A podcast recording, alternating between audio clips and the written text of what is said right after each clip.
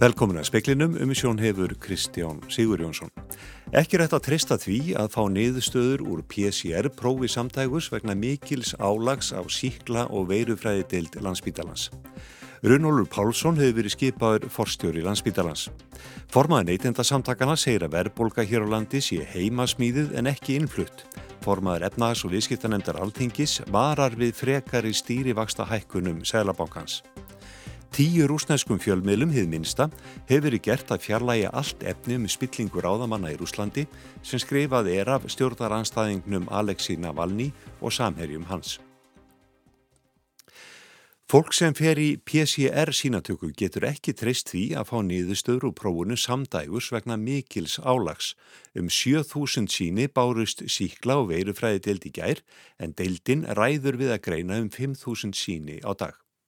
Mikill fjöldi fólks hefur farið í PCR-próf síðustu daga. Í gær báru síkla og veirufræði til landsbítalum 7000 PCR síni til greiningar en tækjabúnaður og starffólk ræður við að greina um 5000 síni á dag. Íslensk erðagreining greindi fjölda sína í síðasta mánuði en hætti því á festu dag. Nú lendir megin þungin á síkla og veirufræðdeild. Því er komin upp svo staða að fólk fær ekki endilega niðurstöðu samdægurs heldur hugsanleiki fyrir en eftir 1-2 daga. Guðurún Svanborg Haugstóttir, yfirleiknir síkla og veirufræðdelda landsbítal Íslands, segir að það sé unnið á fullu við að greina síni. Stefnan er svo að skila niður stöð alltaf samdægurs en það gangi því miður ekki eftir þegar síni fari við 5.000 á dag. 800 síni fara til greiningar á akureyri en stæstur hluti til síkla og veirufræðdeldar. Hún segir að mjög hátt hlutfall sína hafi verið jákvætt undanferið og mikið um smit í samfélaginu. Sigriður Dóra Magnúsdóttir, framkvæmdastjóri lækninga hjá helsugæslu höfuborgarsvæðisins, segir að þessa dagana leiti hátt í 5.000 manns daglega í sínatöku á Söðlandsbröð, hátt í 4.000 fullornir og 1.000 börn. Hún segir að þrátt fyrir mikinn fjöldagangi sínataka vel, hún hvetur einni fólk til að bóka sig í engjana sínatöku ef það finnur fyrir engjannum COVID. Brynjólfur Þór Guðmundsson saði frá.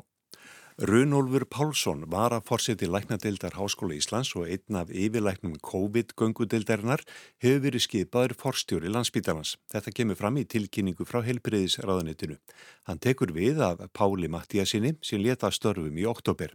Guðlaug Rakel Guðjónsdóttir hefur verið settur forstjóri í spítalans síðan þá en hún var einnig meðal 14 umsækjanda um starfið. Runolfur tekur við ennbætti 1. mars. Tíu rúsneskum fjölmiðlum hefði minnsta hefði verið gert að fjallæga allt efni um spillingur áðamanna í Rúslandi sem skrifað er af stjórnaranstæðingnum Alexi Navalny og samherjum hans. Verði þeir ekki við því, getur þeirra beðið hásegt. Greint var frá því í nokkrum rúsneskum fjölmiðlum í enga eigu í dag að þanga hefðu borist skipanir frá yfirvöldum um að fjarlæga allar fréttir af rannsóknum stjórnaranstæðingsins Alexei Navalny á spillingarmálum. Hann hefur á samt samstagsfólki sínu gert nokkrar heimildamindir um málefnið. Í janúar gaf hann út mynd á YouTube um höll sem sögðar byggð af auðmunum fyrir Vladimir Putin fórsetta Rúslands. Hún naut mikill af vinsælda og var hort á hana 120 miljón sinnum. Síðustu misseri hafa yfirvöld með ýmsum leiðum reynt að kæfa fjölmiðla umfjöllun sem þeim er ekki að skapi. Meðal þeirra fjölmila sem fengu skipunina í dag eru sjómarpstöðun Dost, fréttavefurinn Medusa og útgáfa The Moscow Times á rúsnesku. Þeirra getur beðið sekt sem jafnkildi rúmum 13 miljónum íslenskra króna verði þeir ekki við kröfum stjórnvalda. The Moscow Times greinir frá því að fjölmiðlarnir neyðist til að verða við kröfunum, annars getið rátt á hættu að vefsíðum þeirra verði lokað. AFP fréttaveitan hefur eftir Roskomnatsor fjölmiðla eftirliti Rúslands að þessi krafa hafi verið gerð til fjölmiðla að beðni saksóknara. Fjölmiðlarnir væri að dreifa efni frá ofstækismönnum. Samtök Navalny hafa verið leist upp og Navalny sjálfur og nánustu samstarfsmenn hans eru skilgrendir sem ofstækis og hriðjverkamenn að finna ofinbera. Navalny situr enn inni eftir að hann var tekin höndum við komina til Rúslands í janúar í fyrra. Dagný Hulda Erlendstóttir saði frá. Umbóðsmaður Alþingis hefur sendt tveimur ráþerum erindi þar sem óskaðir eftir útskýringum á skipun og setningu tveggjaráðunitistjóra í lóki janúar. Annars vegar er þetta Ástís Hallabragadóttir sem var settur ráðunitistjóri í Háskóla, Yðnaðar og Nýsköpunaráðunitinu og hins vegar skúli Eggerð Þórðarsson sem var skipaður ráðunitistjóri Nýs menningar og viðskiptaráðunitis. Skúli var kosin í embætti ríkisendurskoðanda í april 2018 á Alþingi og Jóhann Pál Jóhannsson, þingmaður samfylkingar, gerði alvarlegar aðtóðsendir við þá ákverðun fórseta Alþingis að fallast á beðni menningamálar á þeirra um að flytja skúla yfir í nýtt ráðuniti. Með því væri verið að setja hættulegt fordæmi. Ríkisendurskoðandi er sjálfstæður í sínum störfum, hann er trúnaðamadur Alþingis, alls Alþingis, hann er kosin af Alþingi og hann verður ekki vikið úr starfi nema með samþykja Alþingis og hér hefur verið sett mjög hættulegt fordæmi og ég bara mótmæli þessu. Þetta stríðir gegn þrískiptingu ríkisvalds, þetta er virðingarleysi gagvart alþingi og gagvart þeim eftirlitsstofnunum sem starfa á vegum alþingis og við hér í þessum sal, við getum ekki setið þegjandi undir þessu, við getum það ekki. Við verðum að taka þetta til skoðunar. Þetta saði Jóhann Páll Jóhannsson á alþingi í dag. Ráþeiratni tveir eru beðinur um að svara um bósmanni fyrir 12. februar næstkomandi. Það er ekki sjálfgefið að íslenskan lifi, segir Eirikur Röggvaldsson, profesor emeritus í íslenskri málfræði. Nýrannsókn sínir að stór hluti af mála umhverfi barna á Íslandi er ennst. Ennska er ríkjandi tungumál á stafrænu miðlum og eitt útbreytasta mál heims. Sigriður Sigurjánsdóttir og Eirikur Röggvaldsson, profesorar í íslenskri málfræði, stýrðu stóri rannsókn á því hvaða áhrif sambíliðið ennsku hefur haft á íslensku færni. Niðurstuður hvað varðar börn á aldrinum 3 til 12 ára eru byrtar í janúarhefti rétsins. Samkvæmt þeim er 14% af mál umhverfi barna á Íslandi ennst og þá aðalagi gegnum stafræna miðla og efnisveitur. Hlutfallið þeir vaksandi eftir því sem börnin eru eldri og nær allt upp í helming hjá sumum þeirra. Hins vegar benda niðurstöðnar ekki til mikill að áhrifa þessa á íslensku færni barnana en sem komið er, heldur hefur sambilið fyrst og fremst aukið ennsku kunnáttu þeirra. Eiríkur segir mikilvægt að hafa í huga að enska tungumálið sé ekki óvinnurinn. Við meðum ekki gera hana að óvinni. Enskar eru auðvitað alþjóða mál sem er, er mikilvægt að, að læra sem best og, og öðla sem best að færiðni í. En það getur alveg, getur alveg gæst að enskan verði ofstór hluti af, af málheimi fólks og, og, og þá er hún farin að ógna íslenskunni. Þá þetta mun það hafa áhrif á íslenskuna og framtíð hennar og og hún mun þá breytast og verða líkari vesturíslensku og kannski þróunin í vesturíslensku og bæði orðaforði og málkerfi breytast. Segir Sigriður Sigurjónsdóttir. Eiríkur segir framtíðar horfur íslenskunar velta á vilja þeirra sem nota hana, sem á stuðningi stjórnvalda. Yfirstandandi átaki í að gera íslensku betur notafa í stafrænu umhverfi sé afar jákvætt, en það þurfaði leggja aukna áherslu á kennslu íslensku sem annars máls. Það kostar eitthvað að tala mál sem bara 370.000 manns tala. E, erum við tilbúin til að, að, að hérna, leggja þann kostnað? Og íslenskan er ekkert dauðadæmt fjarið því en það er heldur ekkert sjálfgefið á hún lifi. Þetta var Eirikur Rökkvaldsson, Brynja Þorgeirsdóttir tók saman. Nána verður fjallað um sambíli íslensku og ennsku í kveik á rúf í kvöld. Bæjaráð Ísafjörðar segir ekki ásættanlegt að vestfyrringar þurfi nú að kinda húsnaði sitt með orku sem fæst með brennslu dísilólíu. Bæjarstjórin vil skoða virkun í Vassfyrði til lausnar vandanum. Landsvirkjun skerti um mánaðamót orkuafendingu til stórnótenda og fjárvarma veitna.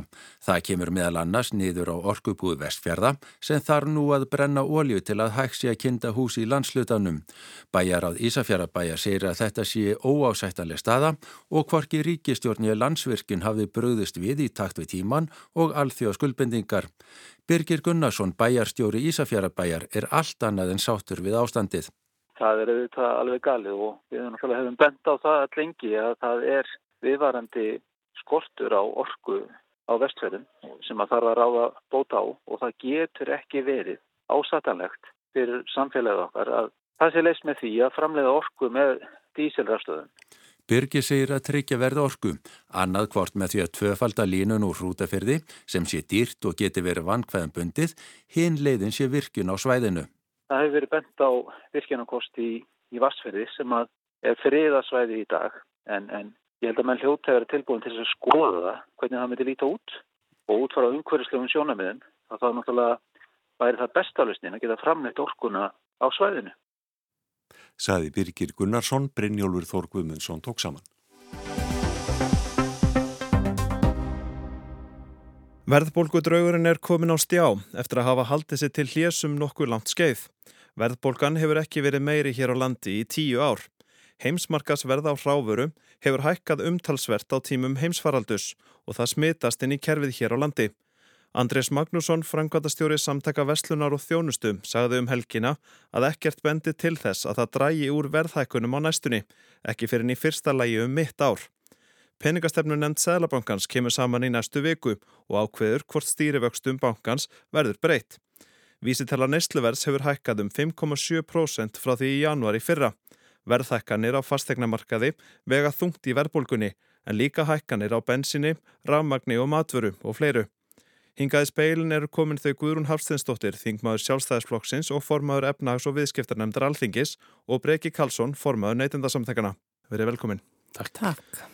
Áður en við förum að ræða stöðuna þá langar mig að fá því breki til að útskýra með einföldum hætti hvað er verðbólka og hvers vegna skiptur hún mig, þig og Guðrunu og alla aðra máli? Hvernig kemur hún við vennulegt fólk? Já, verðbólka er yfirleitt skilgrind sem hækkun almenns verðlags yfir tíma og með almennu verðlagi þá er það átt við það að, að, já, það sem hinn almenni borgari kaupir að meðaltali yfir, yfir, yfir hérna, einhver tíma. Og, og svoðan er, er uh, hækkunar, hækkunin á, á þessu, uh, þessari körfu sem hinn almenni borgari kaupir. Og, og hagstofan reiknar þetta mánadarlega en yfirleitt tölum við samt sem áður um verðbólgu til eins árs eins og þú nefndir í ingangnum að hún er 5,7% núna til eins árs og það þýðir það að, að þessi karfa sem við kaupum að meðaltali hún hefur hækkað um uh, 5,7%. Til dæmis uh, þá í körfin er vegur, eða vegar hluti svona misþungt uh, að meðaltali þá verju við 15% af, af, af kaupum okkar í matvöru og, og drikkjaföru og ef hún einungis hækkar um 10% og ekkert annað yfir einhvern tíma þá tölum við um að, að uh, verðbólgan sé 1,5% af því að hún vegur þarna 15% inn í, inn í þessa verðlagsvísitölu. Og hvað þýðir þetta núna fyrir hinn almenna borgara? Hvað á fólk að gera núna við þessar aðstæður? Að það festa vexti eða setja peningandi í kottan eða hvað á fólk að gera? Það er mjög erfitt, erfið spurning og, og ekkert eitt einlít svar. Uh, en þetta þýðir kannski, þetta kemur kannski verst við uh, þá sem eru með verðtryggð lán uh, verð til lán, þau, þau hækka gífulega um, um þessar myndir uh, og erfitt að breyðast við því uh, að öðru leiti en að, að, að hérna, skera niður á annan, uh, annan máta. Uh, hérna, ef við tökum til dæmis dæmi um, um, um, um ja, 10 miljónur krónar lán uh, til 20 ára þá hækkar greiðslu, greiðslana því láni um 2500 krónur á, á mánuði svona, svona um það byll mm -hmm. og, og þetta er náttúrulega hérna, þegar að fólk er með ja, 20 eða 30 miljónum krónar lán þá, þá, þá er hægt að sjá og reikna út uh, að þetta eru verulegar upphæðir sem skipta fjölskyldunar í, í landinu miklu máli. Guðnum þetta lítur að valda ykkur sem sitt í efnahagsnefnd áhyggjum. Hvað eru þið að ræða innan nefndarinnar til að breyðast við þessu? Uh, vitaskuld veldur það alltaf miklum áhyggjum þegar að verðbólgan fyrir á stað það er ekki af engu sem við tölum um verðbólgu draugin og uh, við sem erum kannski aðeins eldri, við munum, ég mann það allavega svo lánt aftur þegar að verðbólgu var hægt að tella hér í, í tveggjastafa tölu og fólk flyktist í verslanir eiginlega strax með launi sín til þess að geta keft hluti áður en að þeir hækkuðu næstu mánuðamót. Þannig að þetta hefur gríðarlega mikið áhrif veldur áhyggjum og við erum að ræða þetta í okkar nefnd og, og munum hitta til dæmis Sælabanka Íslands og, og sem og ræða þetta við fjármálaræðara. Drífa Snædal, fórsetið að sí, hún saði frétti mikið er að nú var ég komið að því að setja af stað neyðar aðgerðir fyrir heimilinn, líkt og gert var fyrir fyrirtækin. Hverju svarar því? Sko, það eru auðvitað búið að vera alveg gríðalegt fjáraustur til atvinnlýsins í landinu. Ég tel að það hafi verið rétt ákvörðun, það hafi verið rétt að verja hér atvinnustíið en það sjáðu við það að í desember núna síðastlinum að þá voru tæplega 12.000 fleiri á vinnumarkaði heldur en voru í desember árið og undan. Ég er ekki vissum að þetta væri staðan ef að það hefði ekki verið grepi til þeirra aðgerða sem að ríki gerði. En það ber flestum saman um það að það er aðgerði sem að Íslenska ríkið fór í hafi verið góðar, hafi skila árangri og bara eins og alþjóð gældir í sjóðurinn og fleiri e, hafa, hafa sagt að þetta hafi verið til góðs. Auðvitað mun tímin leiða það í ljós. Ég, ríkisjóður er reiki núna með gríðarlegum halla, hátt í, hátt í 200 miljardar halla og það auðvitað er mesta kjarabót okkar allra ef við náum niður hallanum og ríkisjóður sé sjálfbær og vel reikin því að e, við viljum vita skuld ekki þurfa að greiða niður þessar skuldir með miklum vakstahækkunum ofan í það sem núna er sem er, er þið greiðlega íþykjandi fyrir fólki í landinu. Einmitt, hvert er samspilið á millið þess að nú er verið að reyka, reyka ríkisjóðu með halla? Hvað áhrif hefur það inn í verðbólkuna? Það hefur auðvitað, það er, við erum að taka hér peninga að láni og það eru auðvitað hætt við því að uh, lánshæfismat þjóðarinnar, það verður líka að vera gott þannig að ok, þau vakstakjör sem bjóð, okkur bjóðast séu góð. Þannig að það er gríðarlega mikilvægt að hér sé aðhaldi rekstri, að skulda hlutfall ríkisjós fari ekki fram úr öllu.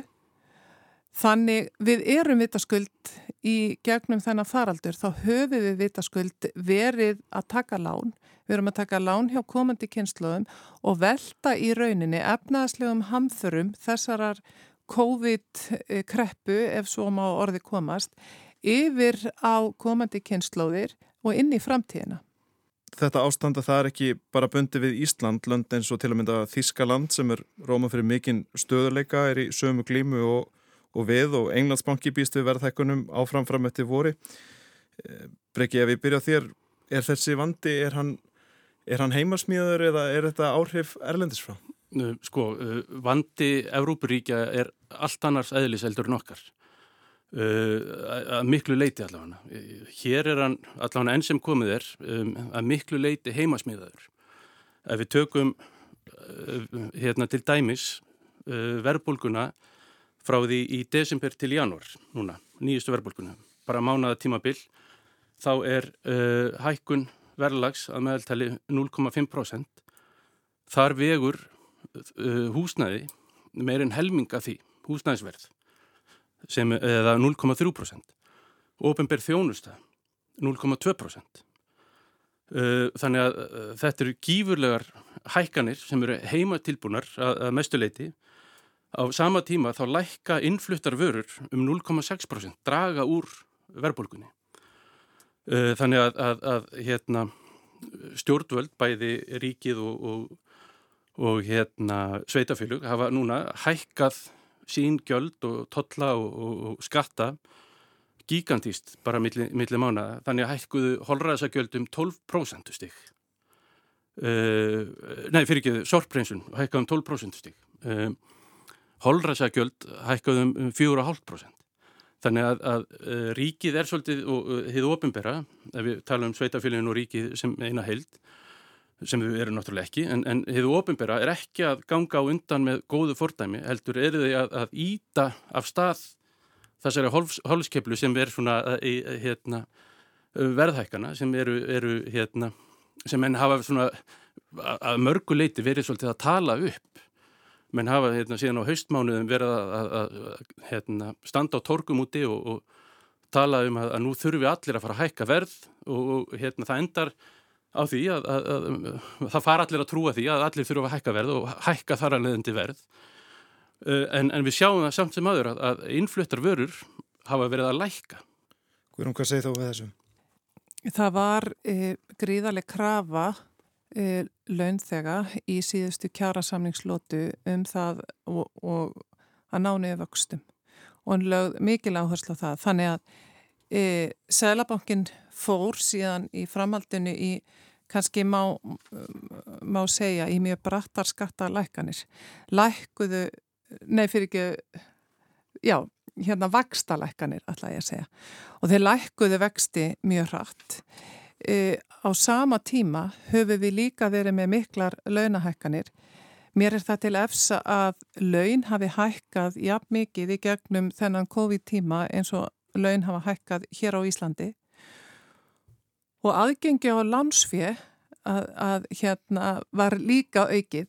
Þannig að allir þessi þættir, þegar þeir koma síðan allir saman, þá ítir það undir þenslu á húsnæðismarkaði.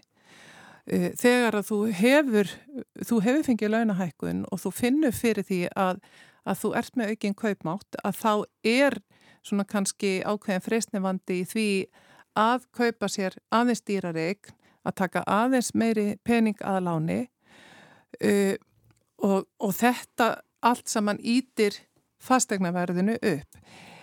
Ég hef lengi verið þeirra skoðunar að við, höf, við fórum í mjög miklar launahækkanir sem að voru ekki sjálfbærar.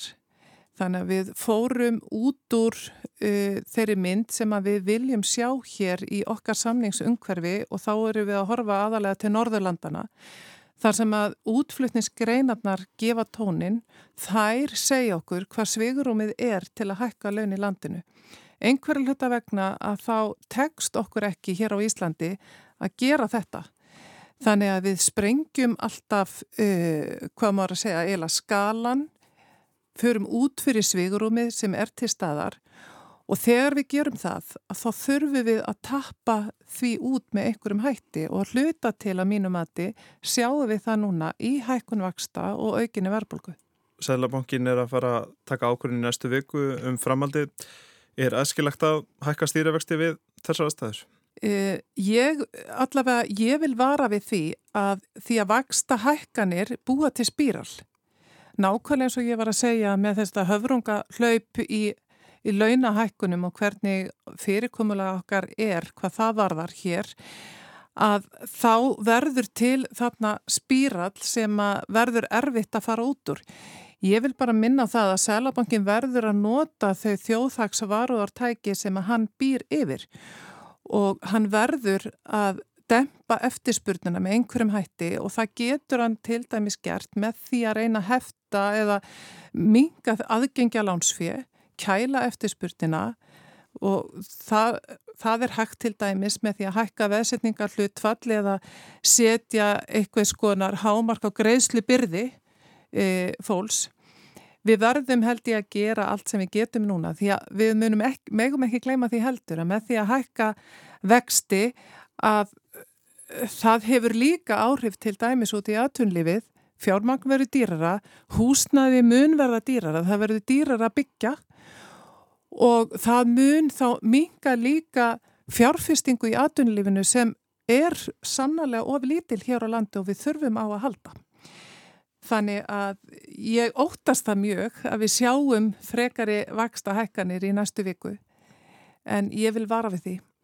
Hvað segir þú Breki, Östuðt? Já, ég er svo sem sammála því að, að, að, að það er varhugavert að hækka vexti eh, sérlega því að að hérna það sem er í pípunum er, eru þó að hinga til hafið að miklu leiti verið heimatilbúin vandi eins og við sjáum á, á tölunum þá er í pípunum verðhækkanir að utan en ég bendi líka á að stjórnvöld hafa ímistæki til þess að, að, að beita og hefðu betur beitt fyrr.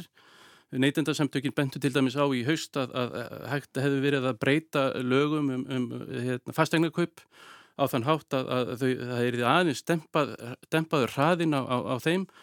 Uh, hérna, það er opnara ferli og, og, og, og skilvirkara og við stöndum við þær tillögur sem á lesa inn á ns.is heimasíð okkar.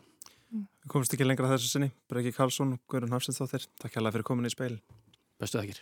Takk. Eitt ár er í dag liði frá því að herin rændi völdum í Myanmar. Þingkostningar voru haldnar í landinu rúmlega tveimur mánuðin fyrr í nógumber 2020 þar sem flokkur Aung San Suu Kyi vann yfirbyrða sigur. Nýkjöri þing átti að koma fyrst saman 1. februar fyrir ári en nokkrum klukkustundum áður tók herin í taumana og rændi völdum. Þingfundur var aldrei settur. Herstjórnin situr sem fastast. Gildistími neyðarlaga sem hún setti þegar að hún tók völdin hefur verið framlengtur til april 2023. Í Mjanmar er sannkölluð ógnar stjórn. Tali er að alltaf 12.000 manns hafi verið drepinn í aðgerðum herstjórnarinnar á einu ári. Aung San Suu Kyi, fyrirverandi leitói landsins, er haldið í stofufangelsi á samt fleiri stjórnmálamönnum og herstjórnin hefur ákert hana fyrir kostningasvindl. Henni hefur verið byrtur fjöldi annar ákjara sem kunniðir segja að eitt að næja herrdómstólansins til að dæma hann í 100 ára fangelsi. Hún hefur þegar verið dæmt tvívegis frá því að líðræðaslega kjörin í stjórn var komið frá völdum og hlotið sex ára fangelsi. Tilkynnt var í Breitlandi, Bandaríkjunum og Kanada í gær um etnahagslega refsiaðgerir gegn þremur hátsettum embættismönnum herfóringja stjórnarinnar. Í tilkynningu utanengisaraðunitisins í Washington segir að haldi verði áfram baróttu gegn herstjórninni og þrýst áum að pólitískum föngum verði sleft úr haldi. Mjálmar er í Suðaustur Asju. Landið er tæplega sjösinnum stærri en Ísland, á landamæri að Bangladesh í vestri, Indlandi í norðvestri og norðri, Kína í norðaustri, Laos í austri og Tælandi í austri og suðaustri. Í suður og suðvestur eru svo Andanmanhaf og Bengalflói. Um 55 miljón manns búa í Mjánmar. Langstæsta borgin er Yangon sem áður hétt Ragun með um 6 miljónir íbúa. Herin hefur laungum haft sterk ítöku í Myanmar. Þar var herfóringjastjórn frá 1962 til 2010. Helsti anstæðingur herstjórnarinnar var Aung San Suu Kyi sem að leist úr áratuga laungustofufangilsi árið 2010. Við tók hálgerti millibils ástand herstjórnar og borgarlegra stjórnar til 2015 þegar haldnar voru fyrstu líðræðislugu kostningar í landinu í ára tugi. Þá vann Aung San Suu Kyi yfirbyrða sigur og varð leitói landsins. Hún fekk síðan umbóð sitt endur nýjað í kostningunum fyrir rúmu ári. Stjórnmálarflokkur sem nöyð stuðning hersins fekk háðulega útreið í þeim kostningum. Herfóringja klíkan átti erfitt með að sætta sig við það og rændi völdum. Aung San Suu Kyi nöyð mikillar virðingar í alþjóðasamfélaginu þegar hún sati í stofufangilsi fyrri herstjórnar og barðist fyrir mannréttindum og líðræði. Segja má að hún hefði verið fulltrúi hins góða og hún fekk fríðarverlun Nobels árið 1991. Hún nöyð mikilla vinselda meðal flestra þegna sinna sem þjóðarleitói þegar hún komst til fullara valda árið 2015 og við tók tími aukins frelsis og líðræðis umbóta en hún var ekki alveg allra og syndi ekki öllum sínum þegnum. Minnir hlutahópar, engum fólk sem bjó í landamæra héruðum, sætti áreitni og ofsóknum og Aung San Suu Kyi sætti hardri gaggrinni í alþjóðasamfélaginu fyrir aðgerðaleysi sitt þegar 100.000 róhingja þurfti að flýja henginni sín og yfir til Bangladesh vegna ofsókna en mikill meira hluti landsmanna stuttana og það kom glöggli í ljós þegar að herin rændi völdum fyrir ári síðan. Þá urðu strax kröftug og fjölmenn mótmæli, engum í Yangon. Fyrstu vikurnar hjælt herin að sér höndum og aðhafðist ekki. Herstjórnin vonaðist til að anstaðan koðnaði niður og mótmælin myndi fjara út. En svo var ekki raunin. Anstaðan jógst og þá fór herin að láta skína í tennurnar. 28. februar voru átján dretnir í aðgerðum hersins og síðan má segja að ógn og skjelving hafi ríkt í landinu. Efnahagur landsins hefur hrunið og COVID-faraldrun hefur einnig leikið landi grátt. Saminuði þjóðirnar áætla að 14,4 miljónir manna í Myanmar þurfu á mannúðar aðstóða halda á þessu ári. Hungursneið blasir hreinlega við. Erfitt er að henda reyður á hversu margir hafi verið drettnir frá því að herin rændi völdum fyrir ári síðan. Í frettaskýringu í Guardian er haft eftir samtökonum The Assistance Association for Political Prisoners eða AAPP að yfir 1400 almennir borgarar hafi verið drettnir af hernum. Þarna er líklega varlega talið því BBC greini frá því að samkant öðrum samtökum hafi alltaf 12.000 verið drettnir. Þá eru talinn þau hundruð þúsunda sem hafa þurft að flýja heimili sín, verið handekinn og þurft að þóla allskins órétt. Anstaðan gegn herfóringjastjórninni hefur aukist og almenningur hefur í vaksandi mæli vígbúist, skipulagt sig og stopnað skærulega sveitir undir heitinu People Defence Force eða PDF. Það er aðalega ungd fólk sem hefur fyllt sér undir merki PDF, fólk sem naut þýðu og umbóta síðustu tíu ára og ofbýður ofbeldi og ógnarstjórn herfóningjana. PTF hefur einni tekið höndum saman við reynslu meiri baráttuhópa í misa minnilhutahópa í Myanmar og saminast þeim í að reyna að koma herfóringjunum frá völdum. Það er hins vegar ekkert farasnið á þeim. Michel Bachelet, mannreitndastjóri saminuðu þjóðana, segir að ástandið í Myanmar sé farið að minna óþægilega mikið á Sýrland þegar borgarastyrjöld braust þar út fyrir rúmum tíu árum. Viðbröð alþjóðasamfélagsins við ástandinu í Myanmar séu óviðunandi. Þarna sé í raun borgarastyrjöld. Ef ekki verið þrýst meira á herfóringjastjórnina og hún þvinguði líðræðis átt, geti stöðuleiki í þessum heimsluta verið í hættu. Og það er ekki fleira í spekli kvöldsins, tæknimaður var Jón Þór Helgason, verið sæl.